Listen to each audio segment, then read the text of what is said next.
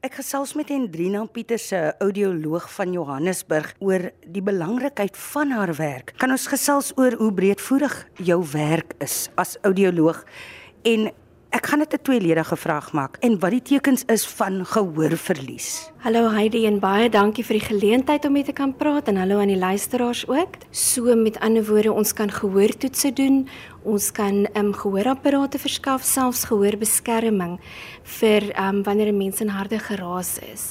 En dan om jou ander vraag te antwoord oor die tekens van gehoorverlies. Daar is baie tekens As jy byvoorbeeld iemand is wat die hele tyd voel asof almal om jou mompel of as dit vir jou voel dat jy kan hoor dat iemand praat maar jy kan nie uitmaak wat hulle sê nie of miskien is jy die een wat altyd die TV harder stel en dan kla al die ander mense of die bure kom klop aan jou deur. Of selfs as jou familielede dalk vir jou gaan begin sê hoor die um, ons dink is nou 'n bietjie tyd om te gaan vir 'n gehoortoets en jy sê vir hulle nee man dis net jy weet nie kan praat nie. So al daai dinge. En dan by 'n kind natuurlik is daar ander tekens waarna mens moet kyk. Ehm um, met 'n kind is een van die grootste tekens as hulle spraak en taalontwikkeling nie op datum of op standaard is nie. So jy moet jouself vergewis van die mylpale wat 'n kind het in hulle ontwikkeling. Gewoonlik by die kliniek kan hulle vir jou ehm um, sulke mylpale gee of deesdae kan mens dit op die internet ook kry wat vir jou sê op watter ouderdom moet 'n kind kan babbel, wanneer kan hy klanke begin naboots ensovoorts.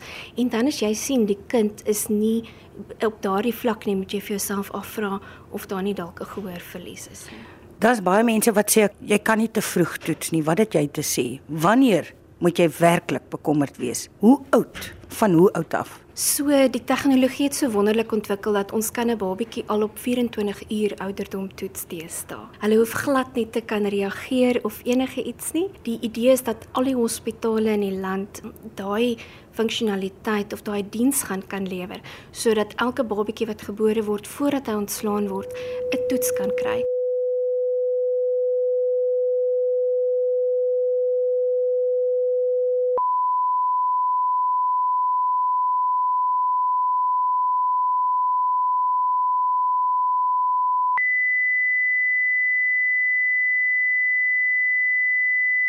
So daardie is weliswaar net 'n siftingstoets, so dit sal net vir jou sê of is daar dalk 'n probleem of nie. En ons sit net 'n klein proppietjie in die babatjie se oor. Ehm um, baba kan slaap. Hy is nie eers bewus van wat aangaan nie. Dan word daar fyn klankies uitgestuur uit die uit die proppie uit en dan as die oor gesond is, dan stuur hy weer klanke uit van die binneoor af wat dan vir jou kan sê daar is 'n waarskynlikheid dat daar dalk 'n probleem mag wees of nie.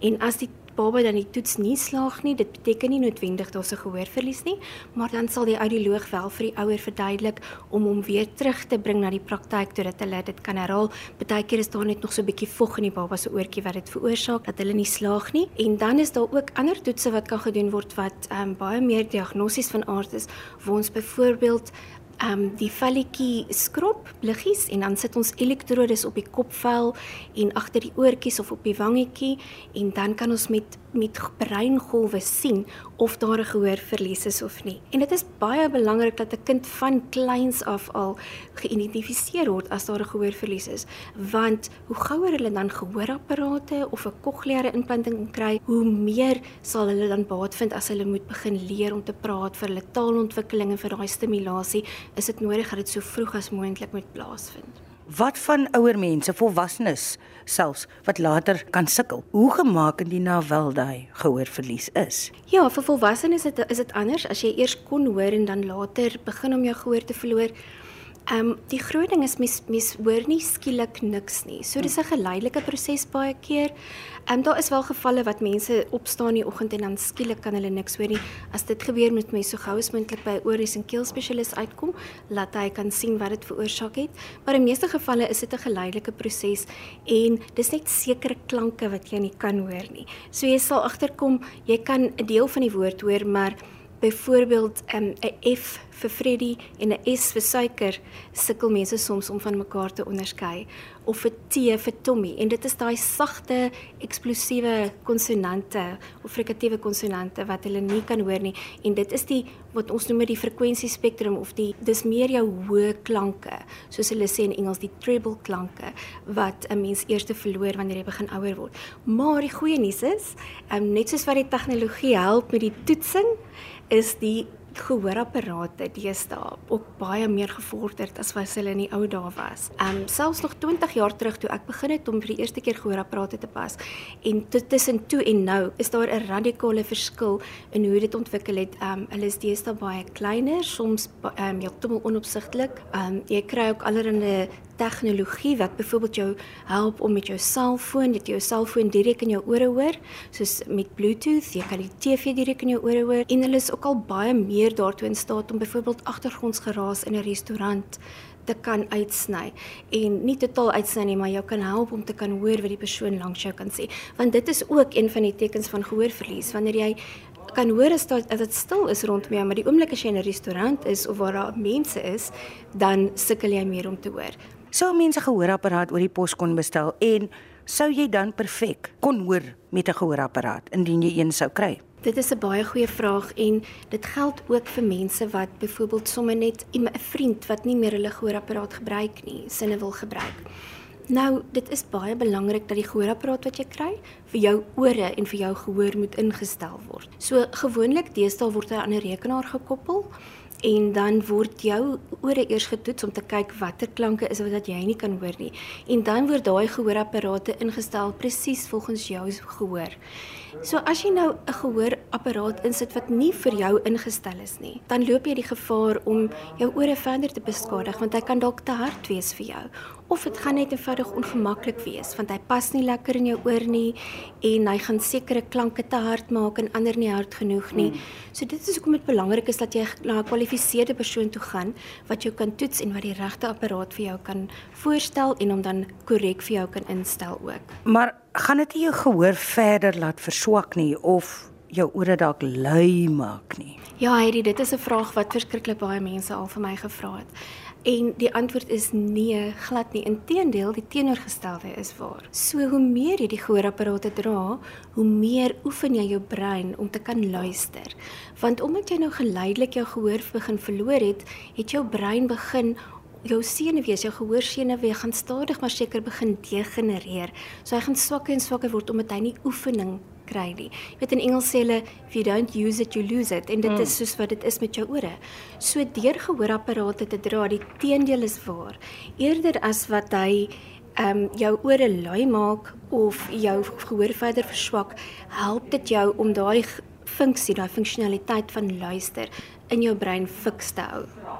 Kom ons gaan gou weer na kinders toe. Ek wil weet wat is die risikofaktore vir gehoorverlies in 'n kind? Goed, so met 'n kind, ehm um, as daar byvoorbeeld 'n familiegeskiedenis van gehoorverlies is, soos byvoorbeeld dat ehm um, een of albei van die ouers 'n gehoorverlies gehad het waarmee hulle gebore is, dan is dit baie belangrik dat die kind nie slegs die sifting in die hospitaal by geboorte moet deurgaan nie, maar dat hulle dan later deur die loop van hulle kinderdae volledige toetse moet ondergaan om seker te maak dat daar nie 'n genetiese faktor is nie. Daar is sekere sindrome waarmee kinders gebore word waar gehoorverlies ook daarmee gepaard gaan. Dan is daar natuurlik iets wat hulle later kan opdoen soos byvoorbeeld breinvliesontsteking. In die ou dae was daar kinders wat byvoorbeeld pompoentjies gekry het en dan in die een oor hulle gehoor verloor het. Dit het soms gebeur.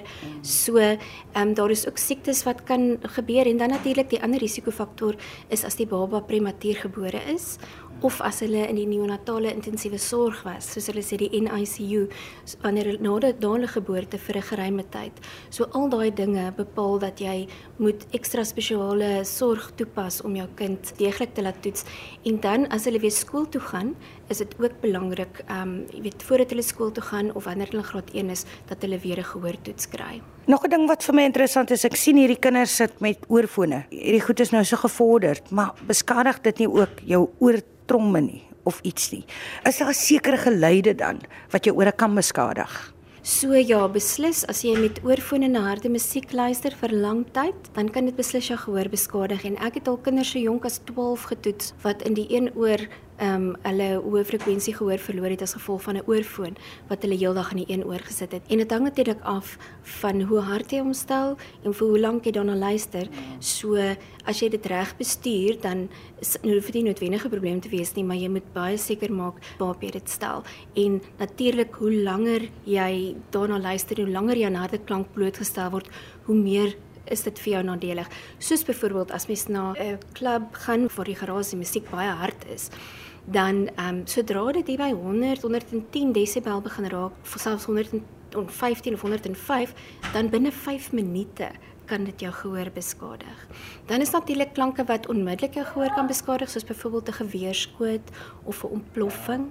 So mense wat skiet, selfs al doen hulle dit net vir ontspanning. Ek het al mense gehad wat vir my gesê het, "Ag, maar ek gaan jag net een keer in 2 jaar. Dit maak nie saak nie." Net daai enkele um, keer wat jy gegaan het en gaan skiet het, kon al reeds jou gehoor beskadig het. So, mense kry baie gehoorbeskermers op die mark. Deesdae is hulle ook baie ont, uh, modern. Jy kry tipes wat vir jou oor vorm gemaak word. Jy kry tipes wat heeltyd die klank deurlaat en dan net uitsny wanneer die skoot afgaan. Jagters hou veral daarvan want hulle wil kan hoor wat om hulle aangaan. En natuurlik as jy in 'n fabriek werk met harde geraas of so of jy kap, daai tipe van dinge kan ook jou gehoor beskadig. Dan laastens sou mens kon sê ehm um, of sou jy kon verduidelik wat die verband is tussen gehoor en balans. Daar is baie beslisse verband in die binneoor. Dit is dit is baie baie klein. Het jy twee organe. Dis jou cochlea wat soos 'n slakkie lyk en hy is verantwoordelik vir jou gehoor en dan is daar sulke drie kanaaltjies wat uh, wat soos 'n halfsirkelvormige kanaaltjies lyk reg langs aan wat verantwoordelik is vir jou balans. En natuurlik die twee senuwees kom dan bymekaar voordat hulle by die brein kom. So jy sal baie keer kry dat dieselfde kondisie, soos byvoorbeeld 'n virale infeksie wat 'n gehoorverlies kan veroorsaak, kan ook balansprobleme of uh, duiseligheid uh, veroorsaak of die gevoel dat die wêreld om jou draai. Nou daar's natuurlik baie ander dinge wat ook duiseligheid kan veroorsaak. Ehm um, soos byvoorbeeld jou bloedsuiker, jou bloeddruk, ehm um, hartversaking ensovoorts. So as jy enigsins probleme het met duiseligheid of balans, dan is dit maar beter om jou geneesheer te gaan sien sodat hulle uh, eers 'n goeie algemene ondersoek kan doen. Maar dit as jy dan na 'n oorspesialis toe gaan, sal hulle jou waarskynlik ook vir 'n gehoortoets stuur om seker te maak of daar dalk iets is wat onderliggend is wat fout is. Ek wil graag die mense verwys of die luisteraars verwys na 'n webtuiste. Ehm um, dit is www.outicon. Ek gaan dit spel. Dis O T I C O N.co.za. www.outicon.co.za en daar sal jy meer inligting kry oor hoe werk mense gehoor, gehoorverlies, gehoorapparate en dan is daar ook 'n afdeling waar jy jou naaste gehoordeskundige kan soek in jou area. Ek herhaal mense, dis www.oticon.co.za indien jy jou naaste gehoordeskundige wil kontak of net uh, meer gaan uitvind, meer inligting wil hê oor gehoorverlies.